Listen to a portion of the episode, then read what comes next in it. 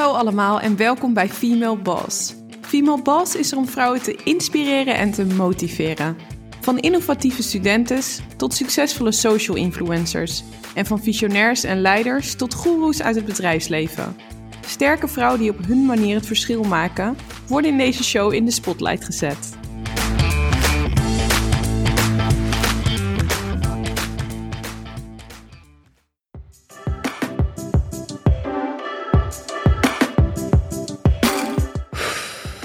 Het is weer maandag. Betrap jij jezelf er wel eens op dat je opkijkt tegen de start van de werkweek en enorm uitziet naar je vrije dagen? Je bent echt niet de enige. Een kwart van de werkenden geeft zichzelf een score van 6 of lager op het thema werkgeluk. Met het oog op het snelgroeiende aantal burn-outs is het hoog tijd dat we daar wat aan gaan doen, vond jij al, Roze. In deze aflevering spreek ik dan ook met Jaël, die geluks- en gedragsdeskundige is. Ze kon het niet verkroppen wat ze zag gebeuren in het werkende leven. De vermoeide zuchten op maandagochtend, de ongeïnspireerde blikken in de trein en het leven voor het weekend. Dat moet anders kunnen, dacht ze. En zo begon haar werk als werkgelukdeskundige. Haar missie? Zoveel mogelijk mensen zoveel mogelijk gelukkiger maken. Vanuit haar achtergrond in de positieve psychologie en gedragsverandering vertaalt ze wetenschappelijke inzichten over geluk op een toegankelijke manier naar praktische handvatten. Om het werkgeluk te versterken, geeft ze workshops, adviestrajecten en schreef ze Werkgeluk het werkboek. In dit interview leer je van Jaël waarom werkgeluk niet zweverig is, wat ongelukkig zijn op je werk voor invloed heeft op je leven en hoe je zelf je werkgeluk kunt beïnvloeden aan de hand van de vier P's. Luister dus snel mee voor een goede dosis inspiratie en motivatie.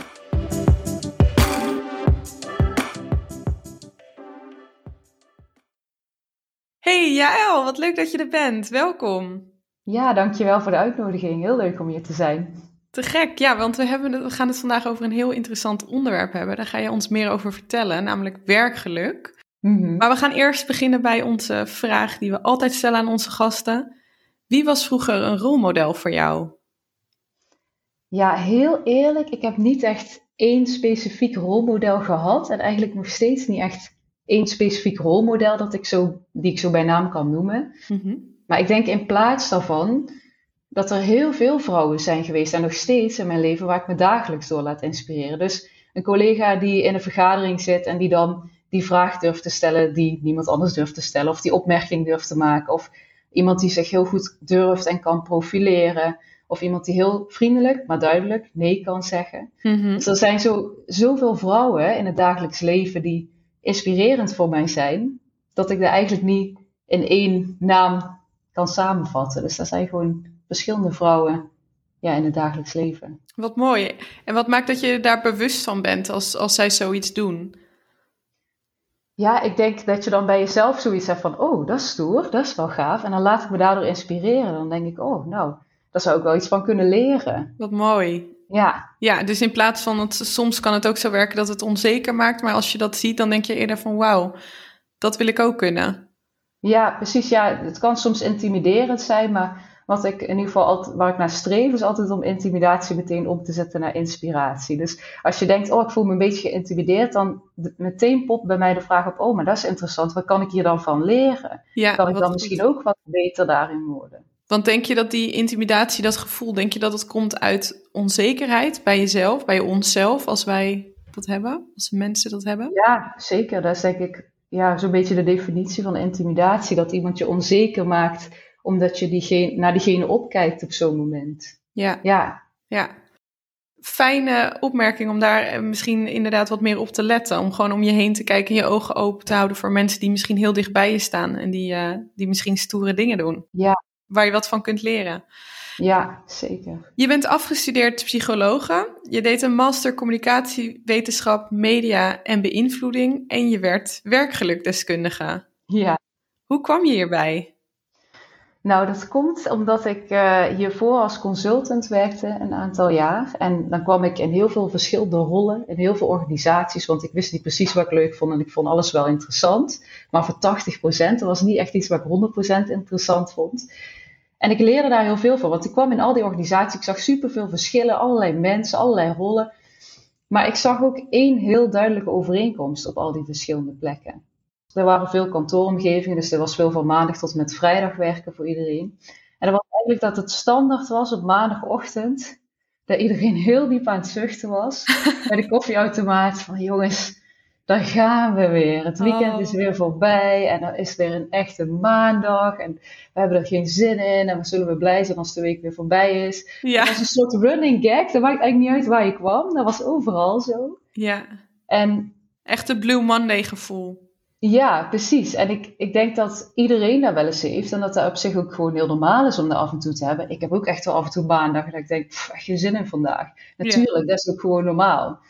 Alleen ik hoorde het zoveel om me heen, overal waar ik kwam, dat ik dacht, is dit nou de beste manier van de dag doorkomen die we konden verzinnen? Dit kan toch niet de bedoeling zijn? Ja. Ik schrok daar best wel van, ook omdat ik zelf natuurlijk ook nog ruim tot mijn zeventigste door moet waarschijnlijk. Ja. Ik dacht, laten we er wel wat moois van maken. Ja. En ja, ik sprak daar ook over met vriendinnen en zij zei ook van ja, we zien het ook, maar ja, het is ook gewoon werk, dus het hoort er ook gewoon bij. Het hoeft ook niet uh, leuk te zijn of gelukkig te maken. Werk is werk.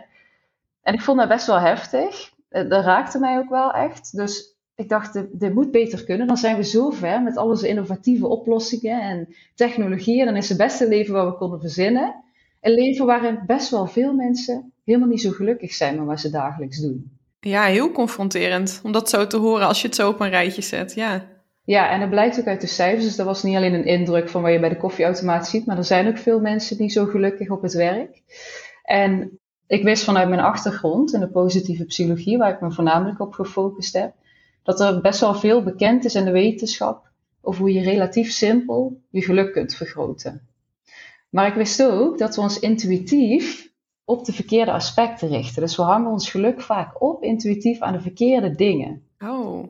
Ja, dus als je dan niet weet waar je gelukkig van kunt worden en je richt je intuïtief op de verkeerde dingen, ja, dan is het natuurlijk ook heel lastig om je geluk vast te houden en te versterken. Ja. Dus toen dacht ik, daar wil ik iets mee. En toen heb ik besloten om te gaan ondernemen met de focus op werkgeluk. En wat ik dus doe, is die wetenschappelijke inzicht over geluk vertalen in simpele, concrete, toepasbare handvatten van wat kun je dan doen om je werkgeluk vast te houden en te versterken. Wauw, wat mooi. En wat mooi dat je je eigen ervaring kon staven met de dingen die er in wetenschap werden beschreven, de onderzoeken die er zijn gedaan, dat het eigenlijk dus heel erg klopte wat je voorgevoel al zei. Ja, precies. En ik denk ook in je studie krijg je natuurlijk ook al wel uh, verschillende dingen mee. Dan leer je al hoeveel mensen er depressies en angststoornissen hebben. En dat er echt wel wat meer leeft dan, uh, dan je misschien in eerste instantie zou denken. Ja. ja. En jij noemde net um, dat mensen een, eigenlijk een, dat ze naar de verkeerde punten keken ten aanzien van geluk. Naar welke punten keken ze daar? Ja, dus waar mensen vaak hun geluk aan ophangen, eh, wat we misschien ergens wel beter weten, maar waar we vaak wel roepen is nou, als ik de loterij win, dan pas ben ik echt gelukkig. Ja. Ik hoor het mijn moeder zeggen. Ja, precies, ja. Of als mijn relatie perfect is, of als ik een relatie heb, of als ik dit heb, of als ik dat heb. Vaak dan voelen we ons afhankelijk van omstandigheden. En dan zeggen we pas als dat op een rijtje is, dan pas kan ik gelukkig zijn. Ja. En daar maken we ons dus heel afhankelijk van. En dat klopt helemaal niet. Dat maakt helemaal niet zoveel verschil als we vaak geneigd zijn om te denken. Want zou je dan zeggen, gaat het meer om de reis er naartoe? Um, nou, het gaat eigenlijk meer om waar je zelf invloed op hebt. Dus je eigen gedachten en je eigen gedrag. Daar valt het grote verschil te behalen. En dat is mooi, want daar heb je zelf ook invloed op. Die omstandigheden heb je maar beperkt invloed op. En die maken helemaal niet zoveel verschil voor je geluk als veel mensen denken. En toch is dus in onderzoeken terug te zien dat wij die dingen waar we het eigenlijk niet aan kunnen ophangen, dat we dat wel heel erg ons leven laten beïnvloeden ja, dat, we, dat we overschatten hoeveel dat ons leven beïnvloedt. Dus als ze mensen in een onderzoek vragen, nou, uh, stel je voor je wordt ontslagen, of stel je voor je relatie gaat uit, hoeveel invloed heeft dat op je geluk? Dan maken mensen daar een inschatting van. En als ze die dan jarenlang volgen, en, ze, en sommige mensen overkomt een aantal van die dingen, en ze kijken hoeveel invloed dat daadwerkelijk op hun geluk heeft, is dat veel minder dan we vaak geneigd zijn om te denken. Ja, wauw mooie onderzoeken zijn dat. Ook omdat het over meerdere jaren gaat. Omdat je inderdaad nu niet altijd kunt overzien hoe je er straks voor staat. Ja. Ja. En het voelt een beetje als heartbreak als je een relatie hebt en dat gaat uit. Dan denk je, oh, ik weet niet hoe ik zonder zou moeten zonder die persoon. Hoe ik verder zou mhm. moeten zonder die persoon. Terwijl dat dus eigenlijk wel gewoon haalbaar is en je daarna ook gewoon weer gelukkig bent. Ja, precies. Je komt waarschijnlijk weer terug. De kans is het grootste dat je gewoon weer terugkomt op je ja, relatief stabiele niveau van geluk. Ja. Hey, en ehm, we hebben dan nu over werkgeluk en ook, nou ja, ik heb net al een beetje over, stel dat je relatie uit is. Sommige mensen die zeggen, ja, ik ben heel gelukkig in mijn privéleven. Dat werkgeluk, dat werk mij minder gelukkig maakt, ja, dat maakt mij dan minder uit. Mhm. Kun je dat zo van elkaar scheiden? Maakt het uit als je in je privéleven volledig gelukkig bent, maar op werk eigenlijk niet zo, maar het meer ziet van, nou ja, ik doe het omdat ik, uh, omdat ik geld moet hebben om de, om de maand door te komen. Staat dat zo los van elkaar? Ja, je kunt, het is eigenlijk zo dat werkgeluk en je algehele geluk, dat kun je niet echt heel erg strak zien als zwart-wit. Je bent zo gelukkig in je privéleven en zo gelukkig in je werk. Dat gaat hoe dan ook in elkaar doorcijpelen. Dus het heeft invloed op elkaar. En dan kun je zeggen, ik haal al mijn geluk uit mijn privéleven. Maar dan laat je wel een heel groot deel van je leven liggen waar je ook heel veel geluk uit kan halen. En daarnaast bouw je ook een soort, ja, dat noemen ze dan mentaal kapitaal op. Dus een soort emmertje in je hoofd waar je resources in opbouwt als jij meer geluk ervaart. En dan kun je vervolgens beter omgaan met tegenslagen. Dan word je veerkrachtiger. En als je daar ook opbouwt in je werk, heb je daar natuurlijk privé ook iets aan en vice versa. Dus het is zonde om alleen maar naar je privégeluk te kijken. Dan laat je echt veel liggen. Ja, want wat zijn de risico's als je dus alleen op je geluk in je privéleven richt? Ja, als je ongelukkig bent op het werk, dan gaat dat ten koste van jezelf en ook ten koste van wat jij voor anderen kunt betekenen. Dus mensen die ongelukkig zijn op het werk, die hebben meer kans op het krijgen van een burn-out bijvoorbeeld, of een bore-out kan ook. En als je werkt aan je werkgeluk, kan het als een soort van buffer werken, blijkt, om die burn-out te voorkomen. En daarnaast eh, zijn mensen die ongelukkiger zijn op het werk, hebben meer kans om ziek te worden, bijvoorbeeld ook. En uh, mensen die gelukkig zijn op het werk, die zijn innovatiever, creatiever. En dat is ook wel een vaardigheid die we goed kunnen gebruiken, zeker in deze ingewikkelde tijd. Ja. En die zijn ook productiever. Dus je kan ook veel meer betekenen voor anderen als je weer geluk uit je werk haalt. Ja, en is het dan ook zo dat stel dat je dat werkgeluk niet zo hebt, maar wel in je privéleven gelukkig bent en je hebt een tegenslag in je privéleven, dat je daar moeilijker mee kunt dealen? Ja, dan heb je dus minder mentaal kapitaal opgebouwd. Dus dat emmertje waar ik het net over had, dat is dan iets leger. Dus dan heb je minder reserves om die klap op te vangen. Ja. Dus dat klopt, ja. Ja. Hey, en je zei net een eh, burn-out en een bore-out. Kun jij eh, het verschil, is een bore-out, uh, volgens mij kennen veel mensen dat, maar voor de mensen die het nog niet kennen, is dat dus het probleem wanneer je niet genoeg uitgedaagd wordt en eigenlijk niet naar je volle potentie wordt ingezet? Ja, dus wat je eigenlijk wil is dat je uh, in de flow komt. Dus dat je wat je doet, je goed uitdaagt, redelijk goed uitdaagt. En dat je ook genoeg vaardigheid hebt. Dat je het gevoel hebt, nou, ik kan dit ook wel handelen, daag me goed uit, maar ik kan het ook wel handelen. En dan kom je in de flow terecht. En dat is een fijne staat van zijn en dat is ook goed voor je werkgeluk. Als jij heel veel uitdaging hebt, maar eigenlijk niet genoeg vaardigheid om daar aan te kunnen, en dan gaat zo maar door en door en door, dan zal dat op een gegeven moment ten koste gaan van je werkgeluk en van je gezondheid. En dan ga je misschien een burn-out in, of in ieder geval die risicogroep in, want het gaat je meer stress en angst opleveren. Dus dan word je prikkelbaar en dan slaap je slechter. En uh, nou, dat heeft heel veel nare effecten, brengt dat met zich mee. Als je aan de andere kant zit, dus je wordt totaal niet uitgedaagd, maar je hebt meer dan genoeg vaardigheid voor wat je aan het doen bent, dan ga je een beetje vervelen en dan word je apathisch, dus een beetje gevoelloos, expressieloos word je daarvan. En daar word je ook heel ongelukkig van. En dan krijg je dezelfde symptomen, symptomen als bij een burn-out, maar met een andere ontstaansgeschiedenis. En dan kom je in die bore-out terecht. Ja, dus die bore-out kan net zo heftig zijn als een burn-out. Ja, zeker. En is ook vaak lastiger voor mensen, denk ik, om toe te geven. Want ga maar eens in de maatschappij vertellen dat je het veel te rustig hebt.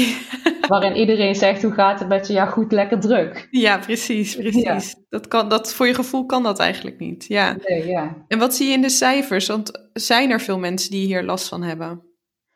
Ja, uh, de burn-out cijfers, daaruit blijkt dat ongeveer 17% van de werkende Nederlanders op dit moment last heeft van burn-out klachten. Dat zijn de laatste cijfers. Op dit moment zelfs. 17 procent. Ja. Wow. Ja. Dus echt ontzettend veel. Uh, burn-out klachten, hè? dus nog geen burn-out, maar dan ga je wel die richting in. Ja. En ehm, ja, voornamelijk mensen tussen de 25 en 35 jaar, maar ook daarna zie je steeds wel tot 65 jaar minimaal 15 procent. Uh, mannen en vrouwen. En het is zelfs zo dat experts die zich specialiseren in die cijfers, die verwachten dat in 2030 dit gaat oplopen naar 25% van de werkende Nederlanders. Wauw. Ja, dus dat is echt geen dat? werkbare situatie. Ja, um, ik, ja, dat is lastig natuurlijk om te onderzoeken. Dat is heel moeilijk om te kunnen isoleren waar dat precies aan ligt. Dus dat is heel lastig om heel hard te kunnen maken. Maar het zou te maken kunnen hebben met dat we leven in een maatschappij die veel van ons vraagt. Hè, waar we heel veel prikkels hebben de hele dag door. En waar we allemaal willen multitasken en alles tegelijk willen doen. En waar de standaard is dat je druk moet zijn. Ja. En ja, alle ballen omhoog wil houden. En waar mannen en vrouwen vaak allebei werken en nog van alles erbij uh, proberen. Alle ballen proberen omhoog te houden. Dus dat, is wel, uh, dat, dat zou eraan mee kunnen spelen. Ja, ja, want ik denk dat je ook om je heen ziet we voelen bijvoorbeeld als vrouwen nu ook steeds meer de kans, of dat proberen althans zelf te creëren, dat we verder kunnen komen, of dat we in ieder geval zouden kunnen werken als we willen. Mhm. Ehm, maar inderdaad, er zei laatst ook uh, een, een expert, zei ja, vroeger was het gewoon zo dat er dus een van de twee, in dit geval was het eigenlijk altijd dus de vrouw, thuis was om het gezin uh, op te voeden, te onderhouden en daarvoor te zorgen. Maar dat het dus ook wel blijkt dat weet je, als er twee mensen fulltime werken, brengt dat ook meer uitdagingen met zich mee. Los van wat opvang natuurlijk biedt. Mhm. En eventuele hulp uh, in het huishouden of andere, bij andere zaken. Er zijn toch dingen die je zelf moet doen, waardoor de druk waarschijnlijk op gezinnen wel groter is geworden. En dat lijkt dus ook wel overeen te komen met deze cijfers. Van we moeten misschien van onszelf of van de maatschappij ook wel heel erg veel. Ja. En dat dat dus impact heeft. Ja, ja zeker. Heftig, heftig om te horen welke kant het op gaat. Dus goed dat jij er bent om je te bekommeren om uh, het onderwerp werkgeluk. Want dat kan natuurlijk een goed uh, tegengif zijn ja. voor deze twee uh, problemen. Ja. Nou, je bent hier verder op ingedoken. Je, bent, je, hebt hier eigenlijk, dit is je passie geworden, werkgeluk. En uiteindelijk heb je er zelfs een boek over geschreven. Die is recent uitgekomen. Hoe kwam je erbij om een boek te gaan schrijven? Nou, dat is wel een grappig verhaal, want uh, wat er gebeurde is dat ik dus besloot te gaan ondernemen met die focus op werkgeluk. En toen was ik op dat moment ook een opdracht aan doen bij de politie. En toen mocht ik daar van hen ook een workshop werkgeluk gaan geven. Dus ik dacht, nou hartstikke gaaf, ik ben net begonnen, ik mag al een workshop werkgeluk geven, dus ik was helemaal gelukkig. Gek, en, ja, uh, heel belangrijk. ja, precies. En uh, nou, toen kwam corona, dus uh, toen mocht die workshop niet doorgaan, want die zou fysiek zijn. Nou, het is flink balen natuurlijk, dus het moest allemaal aflassen, annuleren. En toen dacht ik, ja, nou kan ik twee dingen doen. Ik kan daar heel erg van balen en bij de pakken neer gaan zitten. Of ik kan denken, volgens mij hebben mensen nou juist heel veel behoefte in die hele die situatie die toen nog helemaal nieuw voor ons was. Aan ja, hulp bij hoe kun je werkelijk vasthouden en versterken. En laat ik ze daar dan bij helpen op een andere manier. Ja, dus toen ben ik voor dat laatste gegaan. En uh, wat ik heb gedaan is dat ik dacht, nou, er is superveel bekend in de wetenschap over geluk. Laat ik dat eens vertalen in een tip en een oefening waar mensen mee aan de slag kunnen. Want als je er niet mee aan de slag gaat, heb je er eigenlijk niks aan. Alleen weten, daar heb je gewoon niet zoveel aan. En laat ik ze dan helpen daarmee om het werkelijk thuis vast te kunnen houden en te versterken. Of de mensen die niet thuis werken, überhaupt in die moeilijke situatie dat ook te kunnen doen. En toen heb ik twee vrouwen van de directie ARM van de politie toen opgebeld en gezegd: hey, ik heb een idee, doen jullie mee? Want ik wist dat zij wel eens iets met werkelijk deden, dat ze dat leuk vonden. En die waren ook enthousiast. En toen hebben we elke week, negen weken achter elkaar, een onderzoek of meerdere onderzoeken vertaald naar een concrete tip en met een concrete oefening erbij. Voor wat kun je doen om je werkelijk vast te houden en te versterken. Hebben we toen op LinkedIn gedeeld. En er kwamen heel veel enthousiaste reacties op. Dus dat was super leuk. Wauw, ja. ja. Dus van Breda niet alleen de politie, maar ook daarbuiten. Ja, ook daarbuiten. Wij dachten, iedereen die reageert mag het hebben. Want als we mensen daarbij kunnen helpen, ja graag. Dat is hartstikke leuk. En toen hebben we aan het eind van die negen weken er allemaal samengevoegd in een boekje. En hebben we die ook nog gedeeld. En die werd best wel veel opgevraagd. En inderdaad ook echt veel buiten de politie. En toen kwam er op een gegeven moment één vrouw en die stelde de vraag zou je hier geen boek van kunnen maken? Wauw. Want wij in het onderwijs hebben daar wel behoefte aan. En toen dacht ik, ja, ik kan het proberen. ik, had, ik had daar nooit over nagedacht, maar ik dacht, ja, nou, wie weet hè. Ja. Voelde wel als een longshot, maar ik dacht, nou, weet je wat? Ik, ga een, uh, ik ging eens voor mijn boekenkast staan. Ik ging eens kijken welk boek vind ik leuk. Van welke uitgever is die dan? Nou, ga ik die uitgever wel een mailtje sturen. Dus ik ging een mail sturen en ik ging vertellen waarom werkelijk belangrijk was en wat we hadden gedaan. En dat mensen daar enthousiast op hadden gereageerd, een boekje meegestuurd. En gezegd, hé, hey, volgens mij kunnen we dit nog veel uitgebreider maken. Met nog veel meer oefeningen en onderzoeken die we concreet en toepasbaar maken. Ja, wat goed. Ja, nou, nooit meer iets van gehoord. wat erg. Nee, gewoon geen reactie. Geen Oh, reactie erg. gehad, ja. En eh, toen dacht ik, ja, was ook een longshot natuurlijk. En toen was ik, vlak daarna was ik bij mijn, eh, een van mijn beste vriendinnen. En eh, die had net een nieuw boek gekocht. En die zei, ja, moet je nou eens kijken. Dit is zo'n leuk boek. Daar kun je allemaal oefeningen in maken. Op, voor je persoonlijke ontwikkeling. En daar moet je ook echt in schrijven en zo. Ik, ik zei, joh, van welke uitgever is dat dan? Want dat is interessant. Want dat is precies wat ik wil met oefeningen. Want dan pas heb je er echt iets aan. Dan beklijft het pas. Je bedoelt, als je alleen een boek leest, dan vervliegt het veel sneller. Maar pas als je er echt mee aan de slag gaat, dan kun je het Ja. internaliseren. Ja, je hebt geen gedragsverandering, alleen als je iets weet. Dus je, iedereen weet hoe die gezond moet eten. Maar toch kan het heel lastig zijn om een appel te kiezen in plaats Ja. van een reep chocola. Dus Ja. alleen weten heb je niet zoveel aan. Je moet er echt mee aan de slag. Ja, En eh, nou, toen heb ik die uitgever nog eens benaderd. En toen stond er, ja, het duurt drie maanden of zo voordat je reactie krijgt.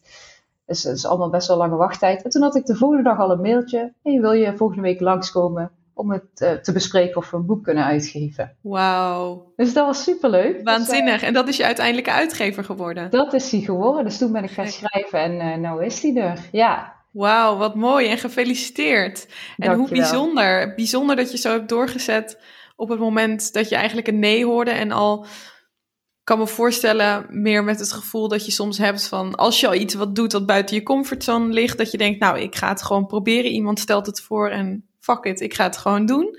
ja. En dat je dan doet en dat je vervolgens voor je gevoel een deksel op je neus krijgt van dat je gewoon geen reactie meer krijgt. Dat voelt, ja, dat is best wel jammer natuurlijk om dat te hebben, want jij hebt, Ja. die, eh, je bent buiten je comfortzone getreden. ja. Ehm, en toch deed je, heb je dus nog een poging gewaagd.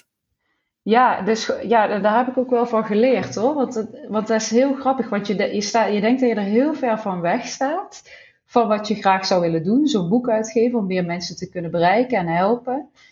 En dan is het soms maar één keer proberen weg. Dus dan is het eigenlijk heel dichtbij, maar dat weet je niet van tevoren. Dus daar heb ik ook wel van geleerd. Soms als iets een long shot lijkt, of of dat je denkt, nou, dat gaat misschien helemaal niet lukken.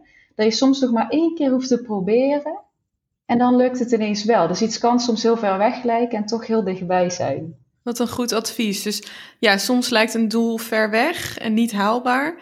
Maar je weet soms niet dat je, stel dat je opgeeft, dat je misschien al heel dichtbij toch dat punt was dat het zou lukken. En Ja, dat is in jouw geval dus wel echt een heel mooi sprekend voorbeeld. Dat het letterlijk maar één, je was maar één jaar verwijderd van een boek. Ja, precies. Ja, En dan is het nog volgens mij goed verlopen, want volgens mij heeft J.K. Rowling tientallen afwijzingen Ja. gehad, als het niet eh, honderden zijn van uitgeverijen die Harry Potter niet wilden uitgeven.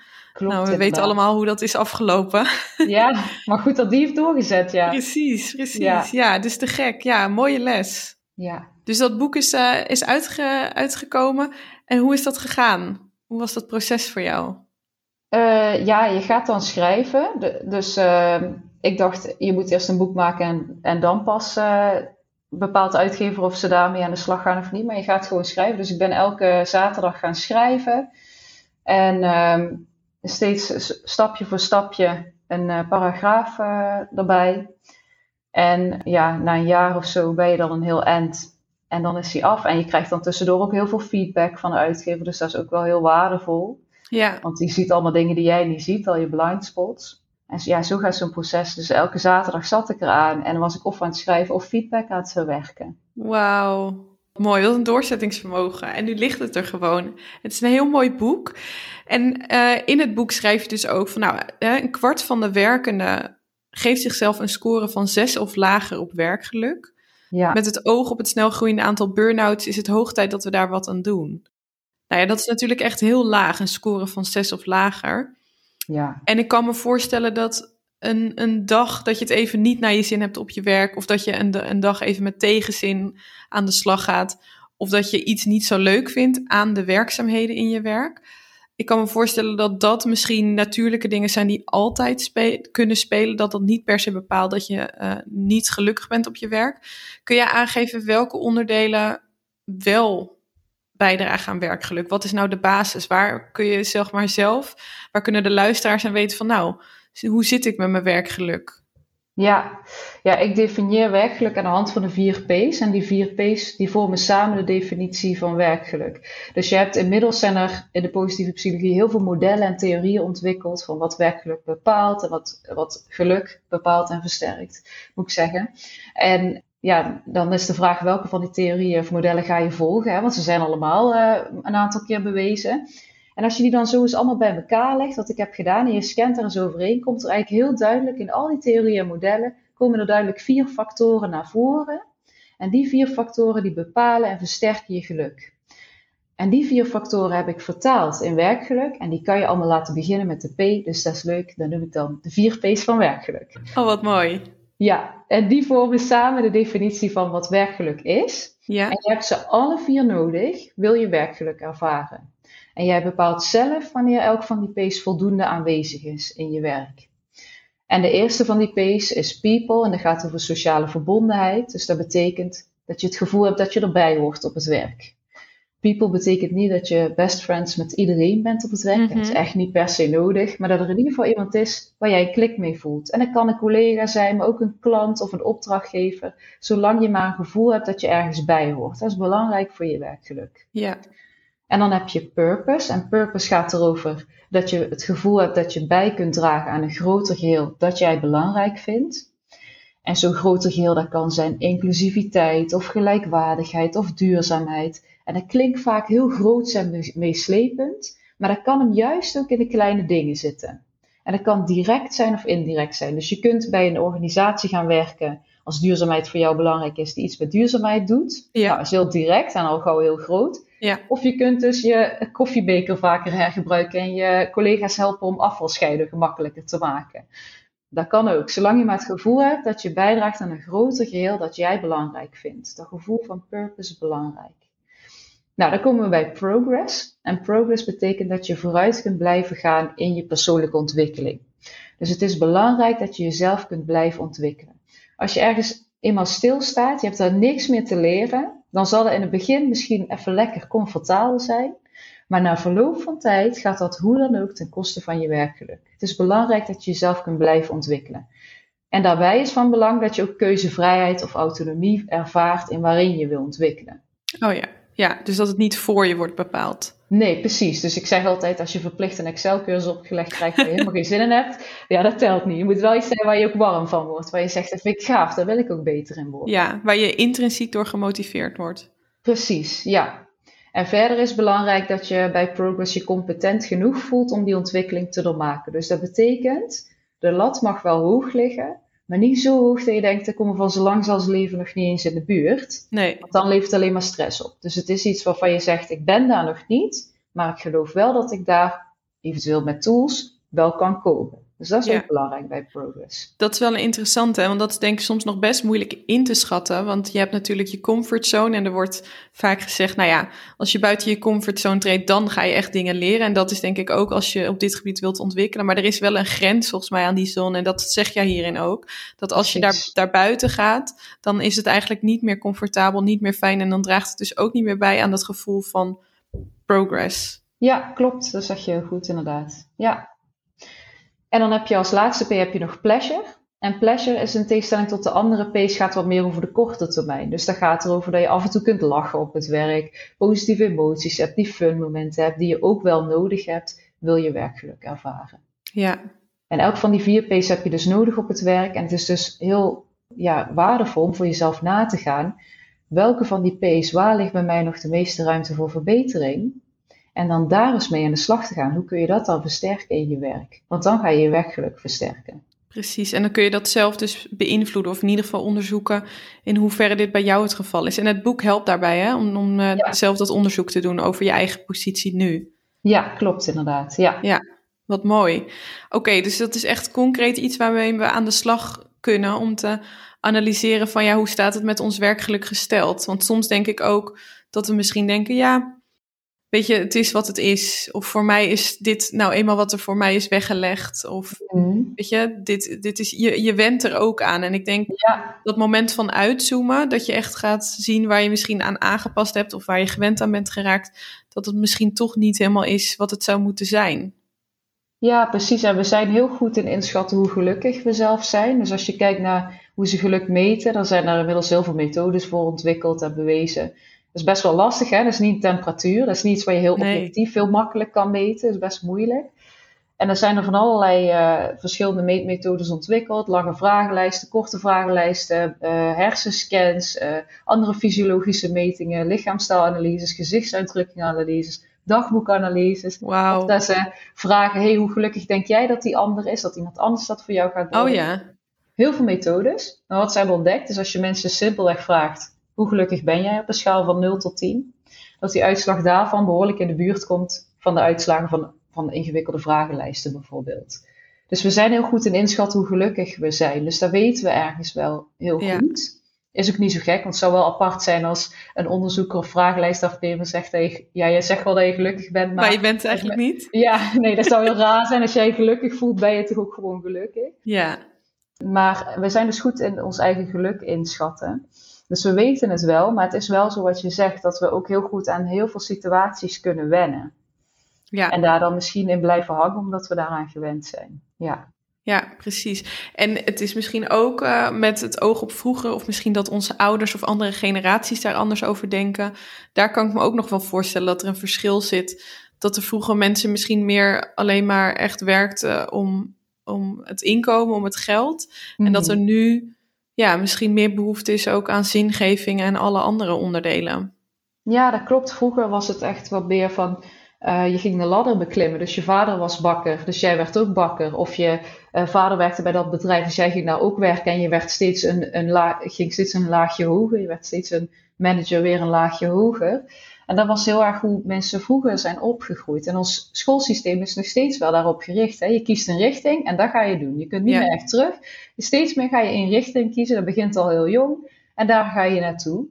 En dan komen de millennials en de generatie na ons, volgens mij nog meer, komen dan in de werkende wereld. En die merken, ja, maar ik wil ook gewoon heel graag iets doen waarvan ik een gevoel van voldoening krijg. Ik wil heel graag bijdragen aan de wereld. En dan soms is die richting die ze gekozen hebben, is niet per se de richting waar ze dat gevoel het meeste hebben. Dat gevoel van purpose bijvoorbeeld. En waar dat vroeger misschien wat minder ten twijfel werd getrokken, want dat was gewoon wat je deed, niet zeuren, gewoon die ladder beklimmen. Ja. Wordt die vraag nu wat meer gesteld. En ja, zijn mensen dus meer op zoek naar purpose en past zo'n model van de ladder beklimmen ook niet meer per se bij wat de meeste mensen op dit moment zoeken. Ja, nee, en ik denk precies wat jij zegt, dat het eigenlijk ook heel jong is om op die leeftijd een keuze te maken als je daar al mee bezig bent. Ik was daar met mijn puberbrein denk ik zeker niet mee bezig wat mijn purpose was. Maar gelukkig kun je er wel komen. Zie je dat terug, dat er altijd gewoon een mogelijkheid is om daar nog naartoe te groeien? Je bedoelt naar een baan die je liever zou willen doen dan Precies, of in ieder geval naar verbeteringen die je, ja, die je dan ervaart. Dat je denkt, oké, nou dit zit dus bij mij niet helemaal lekker. Is dat voor iedereen weggelegd? Ja, dat is een hele goede vraag. Ik denk dat je met heel veel motivatie en intrinsieke motivatie heel veel kan doen. En met wat doorzettingsvermogen en een goed concreet plan. En ik denk dat er altijd manieren zijn waarop je meer purpose bijvoorbeeld in je werk kan ervaren. En je kan je altijd laten bijscholen bijvoorbeeld. Of je kan altijd iets doen waardoor je iets meer in de richting gaat van je oorspronkelijke richting afgaat en iets meer in de richting gaat van waar je meer purpose uit haalt. En nou is dat per persoon verschillend natuurlijk wat er uiteindelijk voor kansen zich voordoen of wat voor kansen die persoon kan pakken. Maar er zijn altijd dingen die je kan doen om meer in de richting van je purpose te gaan. En het zou misschien ook zo kunnen zijn dat je niet per se in je eigen baan die vervulling kunt vinden, maar dat je bijvoorbeeld wel kunt bijdragen aan een breder deel van de, van de organisatie waar je in werkt. Dus dat je op andere topics gaat helpen, mensen in andere rollen, of dat je zelf uh, gewoon extra tijd besteedt aan dingen die je belangrijk vindt binnen, binnen de organisatie. En wie weet wat daar uiteindelijk weer uitkomt. Ja, precies. Dus je kunt een afstandje nemen en meer kijken naar je baan in een breder perspectief. Zo hebben ze in een onderzoek ontdekt dat als je schoonmakers en ziekenhuizen vraagt wat doe je voor werk, zeggen sommigen ja, ik maak schoon, ik poets en ik ben klaar, heel recht toe recht aan. En anderen die zeggen ik draag bij aan de kwaliteit van levens van patiënten, bezoekers en verpleegkundigen. Wauw. En die laatste groep doet precies hetzelfde werk, maar die plaatst het in een veel breder perspectief. En die zijn veel gelukkiger. Wauw, ja. Dus soms kan het helpen om even een stapje terug te doen en meer te kijken naar bijvoorbeeld de werkgever waar je zit. Van wat draagt die als geheel bij? En dan kan je ook wat meer dat gevoel van voldoening en van purpose ervaren. En als het dan nog steeds niet lukt, dan kun je ja, kijken of de baan bij je past. Of je kunt aan jobcrafting doen en kijken inderdaad wat jij net zei. Van hoe kan ik misschien wat taken erbij nemen of wat veranderen in mijn takenpakket of dingen net iets anders aanpakken, waardoor ik wel meer dat gevoel van bijdrage en nut ervaar. Ja, mooi. Mooi, jobcrafting dus. En inderdaad goed om soms even die rust te voelen, om stil te staan en uit te zoomen van je eigen dagelijkse baan, wat natuurlijk voor de meeste mensen druk is en waardoor het moeilijk is om uit te zoomen. Maar goed om af en toe dus die momentjes te pakken en te overzien van wat, vind, wat zijn nou de waarden en zaken die ik belangrijk vind en ja. kan ik daar iets in mijn werkzame leven mee uh, doen? Zeker. Ja, ja, mooi. Als we kijken naar uh, de werkgever, waarom zou jij bent bezig geweest voor de politie? De politie die vond het dus belangrijk om hier aandacht aan te wijden. Waarom moeten werkgevers daar belang aan hechten aan werkgeluk? Ja, ik, ik zeg natuurlijk het liefste, omdat het gewoon super belangrijk is dat mensen gelukkig op het werk zijn. Maar daar zijn veel werkgevers niet, helaas niet direct van overtuigd, toch? Ja. Want, want het levert ook heel veel andere voordelen op. En dat is natuurlijk dat mensen ook gewoon veel productiever worden. Veel creatiever, innovatiever. In salesomgevingen blijkt dat ze beter kunnen verkopen. Dus er zijn heel veel voordelen. Je hebt ook veel minder mensen die ziek worden. Als je één burn-out kunt voorkomen, bespaar je jezelf al zo gemiddeld in Nederland zo'n 60.000 euro. Wow. Dus het is ja, heel waardevol om te investeren in werkelijk, waarmee je die buffer tegen het ontstaan van een burn-out opbouwt. Ja. Maar ik vind het wel belangrijk dat als een werkgever daarin investeert, dat hij daar wel doet vanuit de motivatie om zijn medewerkers gelukkiger te maken. En niet omdat het geld op gaat leveren. Want ik denk dat medewerkers daar ook voelen als je daar toch met een heel andere insteek zit. En zij moeten zich ook kunnen verantwoorden natuurlijk. En dat is begrijpelijk. Maar dat is wel een belangrijk nuanceverschil van met welke insteek ga je investeren werkelijk. Want dan gaan je medewerkers, verwacht ik, wel merken. Ja, dus of de, de insteek vanuit de business case is of voor het hart voor de medewerker, zeg maar. Dat verschil uh, voelt men wel, zeg jij. Ja, daar ga ik wel vanuit, ja. En denk je dat er nu, en zeker in deze tijd, natuurlijk een uitdagende tijd nu met corona, wat voor impact denk je dat dat nu heeft op mensen? Ja, daar zijn uh, hele interessante onderzoeken van gepubliceerd uh, recentelijk. Dus daar wordt heel goed bijgehouden en onderzoek naar gedaan, zodat we daar mooi van kunnen leren. En wat blijkt is dat ons geluk en ons werkgeluk niet zo heel veel achteruit is gegaan. Wel een beetje, maar niet schokkend heel veel. We zijn nog steeds wel ruim voldoende, scoren ongeveer op uh, werkgeluk, de, hm. gemiddeld genomen. Dus op het grootste gedeelte heeft het niet zoveel invloed. Een klein deel wordt er ongelukkiger van en er is ook een klein deel dat gelukkiger is geworden. Oké. En wat opvallend is, is dat we zien dat in de eerste periode van corona, dus als we kijken naar de cijfers uh, tussen november 2019 en de zomer van 2020, dus een beetje zo de start van uh, corona is daarin meegenomen, dan is het geluk met zo'n 0,8% afgenomen. En als je dan kijkt van de zomer 2020 tot februari, maart 2021, want dat is wat tot nu toe bekend is, komt vast nog veel meer bekends uit, wat heel interessant is, dan blijkt dat in die periode het geluk nog 3% verlaagd is. Oké. Dus in totaal bijna 4%, waarbij je ziet dat het uh, geluk steeds meer afneemt naarmate de crisis langer, langer duurt. duurt. Ja. Dat heeft waarschijnlijk weer te maken met dat mentaal kapitaal en dat sociaal kapitaal. Dus los van de financieel kapitaal wat je kunt hebben, heb je ook ja, ik zeg het maar, een soort van emmertje in je hoofd waar je een reserves in hebt zitten om om te gaan met moeilijke situaties, om veerkrachtig mee om te kunnen gaan. Maar naarmate dat langer duurt, gaat dat emmertje natuurlijk steeds leger worden. En op een gegeven moment zijn je reserves op en gaat het steeds met de kosten van je geluk en je werkgeluk. Ja, dus de mensen die bijvoorbeeld thuiswerken, die alleen thuiswerken, die missen al dat sociale. Want nou ja, ik herken het zelf ook in mijn werk, dat er heel veel afspraken zijn, vooral zakelijke afspraken. En je hebt eigenlijk altijd de tijd nodig om over de inhoud te spreken, waardoor er minder ruimte is. Ja, je hebt gewoon niet die koffieautomaatgesprekjes. En die, die, wat jij net zei, die dragen eigenlijk wel heel erg bij. Klopt. Dus dat is natuurlijk wel een gemis. En misschien ook dat die afleiding mensen ook dat de sociale situatie zeg maar ook een soort afleiding was. En dat door het vele thuiswerken dat mensen meer zien wat hun eigen taken zijn. En daardoor misschien ook kunnen denken van, hm, ik weet niet in hoeverre die taken echt nog helemaal bij mij passen. Of dat echt is wat mij gelukkig maakt. Je haalt het ineens uit, als ik nu denk, ik heb net heel goed naar jou geluisterd.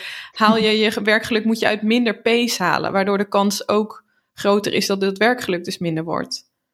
Ja, die pace moet je anders invullen. Dus vooral het people aspect natuurlijk. Dat is nou heel anders. Voor ja. die thuiswerking van. Je ziet ook in die onderzoeken dat als mensen een afname in geluk of werkgeluk ervaren, dat er veel de mensen zijn die alleen thuis zitten. Dus die bijvoorbeeld ook geen partner of kinderen uh, in huis hebben. Dus daar, daar zie je dat dat ook inderdaad dat sociale aspect heel erg daaraan uh, bij kan dragen. Aan die vermindering van werkgeluk. Ja, ja. ja, heftige tijd wel dus. En um, ja, dat, dat dit thema nog meer onder druk komt te staan dan het al stond. Door de drukke, drukke tijd waar we nu in leven. Ja. In jouw boek haal jij een quote aan van Mandy Hill. Waarin zij zegt: Happiness is an inside job. Don't assign anyone else that much power over your life. Waarom is deze quote zo belangrijk voor jou? Omdat hij de spijker op zijn kop slaat, vind ik. Het grootste gedeelte van je geluk heb, ligt in je eigen handen. In ieder geval, eh, er is heel veel genetisch bepaald, maar er is een heel groot gedeel, gedeelte dat je zelf bepaalt met je eigen gedachten en je eigen gedrag. En maar een heel klein deel van je geluk wordt bepaald door je omstandigheden. Terwijl we vaak geneigd zijn om te denken: pas als ik de loterij win, pas als ik dit heb, pas als ik dat heb, dan pas kan ik gelukkig zijn. En dan maken we onszelf eigenlijk afhankelijk daarvan, terwijl dat helemaal niet zo heel veel verschil maakt voor ons geluk. Dus het grootste verschil ligt in eigen handen. Dus het is veel beter als je daarop gaat richten. En dat is ook hartstikke mooi, want daar heb je zelf ook controle over. Ja.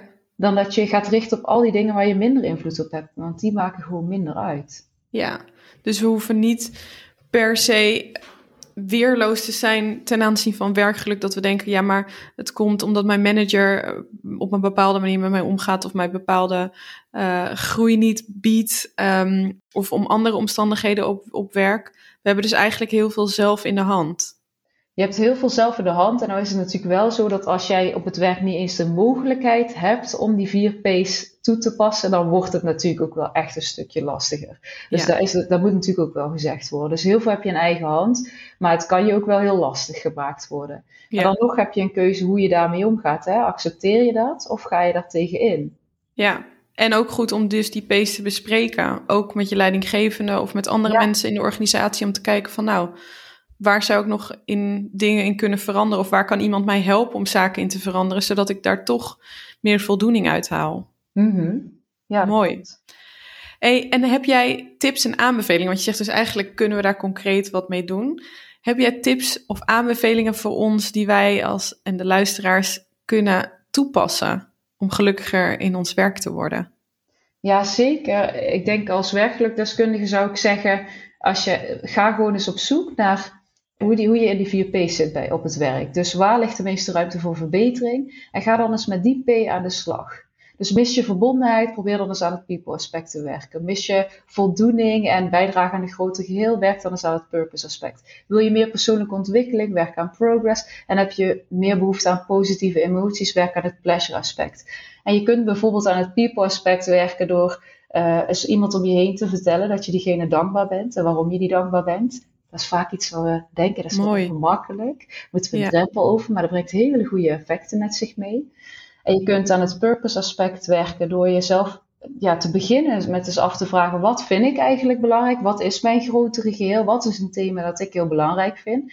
En als je daar dan achter bent, kun je eens nagaan: hoe kan ik daar dan in mijn dagelijks leven of in mijn werk kleine stapjes nemen om daar meer aan bij te dragen? Wat daar bijvoorbeeld kan helpen is dus de Ikigai-cirkels op te zoeken en die in te vullen. Dat is een hele goede oefening daarvoor. En als je progress mist, dan helpt het om eens te kijken naar uh, jezelf te belonen voor processtappen die je neemt. Dus eens kijken waar wil je in ontwikkelen en beloon jezelf dan als je een stapje durft te nemen. Want mensen die zichzelf belonen voor stappen, ongeacht het resultaat, die zijn gelukkiger en ook veerkrachtiger en gemotiveerder en die hebben meer zelfvertrouwen. Dus het is goed voor je geluk onder andere om meer te richten op een processtap en jezelf daar een schouderklopje voor te geven, dan als je jezelf pas een schouderklopje geeft als iets goed is gegaan, of dus op basis van het resultaat. Dat is een hele goede tip, want ik denk dat we inderdaad eigenlijk altijd kijken naar het resultaat. En als we niet goed hebben gedaan of we falen, dat we dan heel zwaar op ons nemen. Maar het gaat dus eigenlijk al om het zetten van de stap. Ja. En de learning die we daar eventueel uithalen, of dat nou positief of negatief is. Ja, precies. En, en mensen die dat doen, die zijn gewoon gelukkiger. En je kunt je brein trainen om meer op het proces te richten dan op het resultaat. En daar word je dus gelukkiger van, door het gewoon dus vaker te proberen en daar eerst bewuster mee bezig te zijn. En als het je mist en als je pleasure mist, dan kun je eens proberen bijvoorbeeld hoe je een spelelement aan je werk toe kan uh, voegen. En spelen op het werk is iets wat steeds populairder is dan in de wetenschap, omdat ze heel veel voordelen, daar heel veel positieve effecten van ontdekken. En gelukkig zien ook steeds meer werkgevers dat in. Ja. Dus dan kun je kijken hoe kun jij uh, een taak, een soort competitie van maken met jezelf. Waar natuurlijk ook weer geen stress op moet leveren, maar hoe kun je daar een competitief element aan toevoegen? Of... Ja, een soort gamification van Ja. taken of dingen op je werk. Ja. Precies, ja. Of gewoon simpel even een breinbreker doen of een puzzel leggen. Heel eventjes uit je werk. Vijf minuten hoeft dat maar te duren. Even iets anders doen. En dan heb je een soort reset, waardoor je daarna zult merken dat je veel frisser en productiever weer aan de slag kan gaan. En dat draagt ook weer bij aan je werkgeluk. Dus zo zijn er per P van werkgeluk echt wel een aantal concrete dingen die je kan doen. Wat goed. En daar, daar in jouw boek dus meer over echt concrete stappen per onderdeel. Ja, ik denk dat het een heel mooi begin is van 2022 om, aangezien we nu nog niet weten wanneer we uit deze crisis komen, om daar wel voor jezelf belang aan te hechten en ook mee aan de slag te gaan van wat kan ik daar zelf in doen.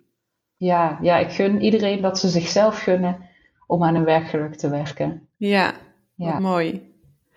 Wat heb jij zelf als ondernemer overwonnen of geleerd de afgelopen tijd? Nou, ik denk wat ik echt eh, heb geleerd is dat je vaak gewoon moet doen wat je eigenlijk echt niet durft. Dus dat je angst niet je raadgever moet laten zijn. Want als ik kijk naar mijn leven, zijn eigenlijk de allervetste en gaafste dingen gebeurd als ik dingen deed die ik eigenlijk helemaal niet durfde.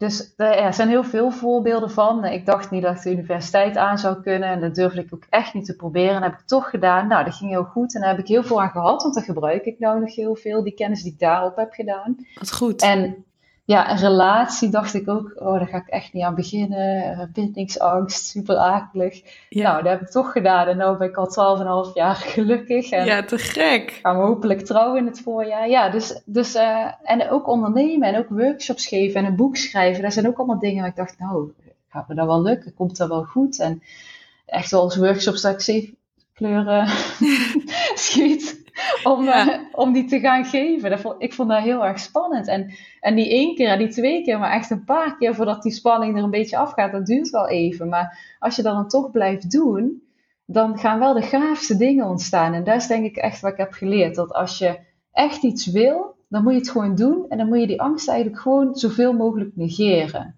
Dus wat ik heb geleerd is om mezelf af en toe de vraag te stellen: wat zou ik doen als ik nergens bang voor was? Wauw. Dat is een mooie om even bij stil te staan.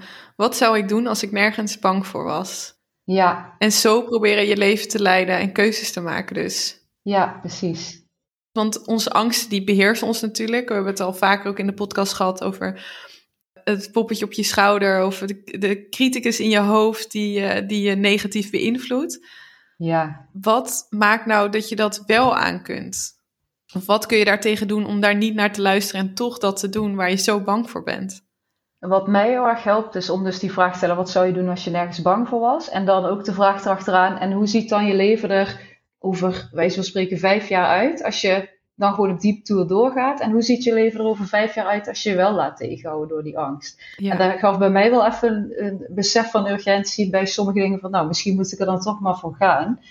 En verder denk ik, als je dan hebt over dat poppetje op je schouder, dan heb je het gauw over het oplichterssyndroom of het impostersyndroom. En ja, dat is toch dat we denken, we vallen daar door de mand en we zijn hier alleen maar voor toe, per toeval terechtgekomen of per Ja. geluk en we verdienen het niet en dadelijk prikt iemand er doorheen. En, en dat is iets wat daarbij helpt, is het besef dat de meeste mensen hier op een moment in hun leven wel eens last van hebben. En dat dat dus heel menselijk is. En dat Ja. scheelt al een beetje. You're not alone. Ja, en ook kwetsbaar opstellen. Want als je het dan hoort van mensen waar je tegenop kijkt, denk je, oh, die heeft dat dus ook. Ja, En dan valt het ook wel mee. En Emma Watson heeft daar bijvoorbeeld ook last van. Nou, dan valt het, dat, dat kan helpen, zoiets. En iets anders dat kan helpen is door dat stemmetje een beetje een aparte stem te geven. Dus waar vroeger de psychologie al gericht was op dat je dat stemmetje ging ombuigen, en dat is nog steeds bewezen, dat kan ook goed werken, is er nu ook meer een aanvullende therapie waarbij ze veel meer kijken van, nou, dat stemmetje moet je niet zozeer je energie in steken om die te veranderen, maar meer gewoon om daar anders mee om te gaan. Dus je gaat hem niet proberen weg te drukken, want dan zegt die stroming, dan wordt het alleen maar erger. Mhm. In plaats daarvan steek je er een beetje de draak mee bijvoorbeeld. Dus dan ga je het relativeren door er bijvoorbeeld de stem van Octo voor SpongeBob aan te geven. of, of Bert Oh, van Ernie. Ja, of een gemene troll of zo. En dan, ja, je kunt dit toch niet, weet je wel zo. En dan Ja, wordt het al veel anders. Dan ga je het minder dan maak je het nemen. lichter. Dan maak je het lichter en, en dan kun je ook gewoon zeggen... Nou, bedankt voor je goede zorgen, maar ik doe er nou even niks mee. En dan verdwijnt het weer wat makkelijker naar de achtergrond. Dus dat is ook iets wat daarbij kan helpen. Ja, en ik herken het heel erg hoor. Maar het is soms ook lekker dat gevoel dat je denkt...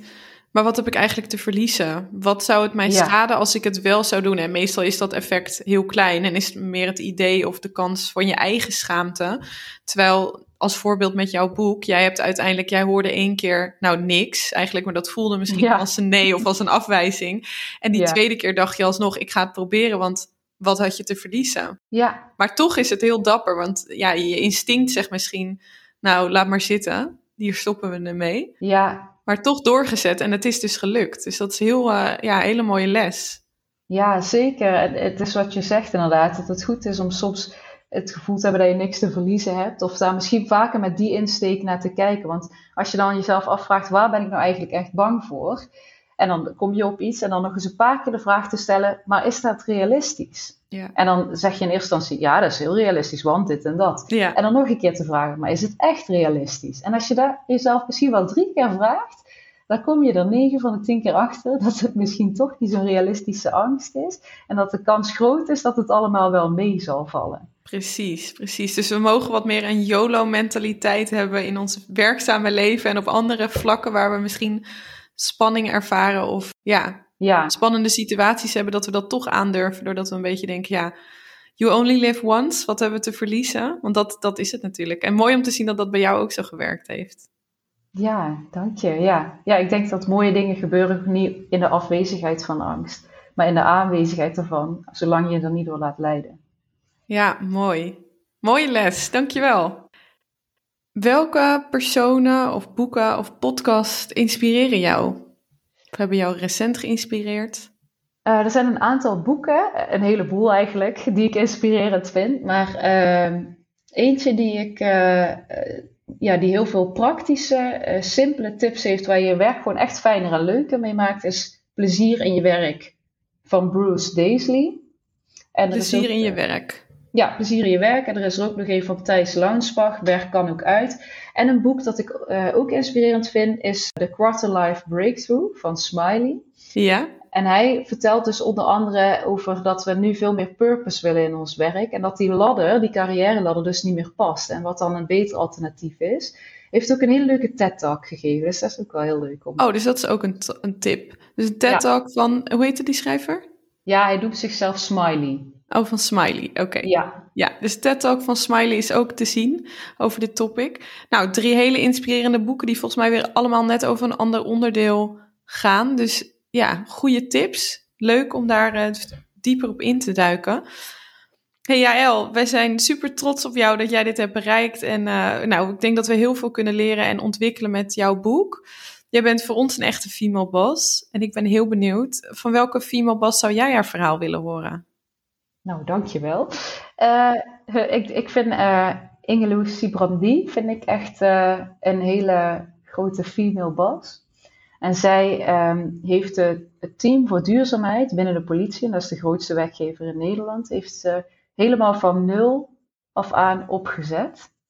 En ja, dat is echt heel knap. En daar heeft ze hoe dan ook ook dingen voor moeten overkomen. Dat weet ik zeker. Daar heeft ze vast tegen dingen aangelopen die ze heeft overwonnen.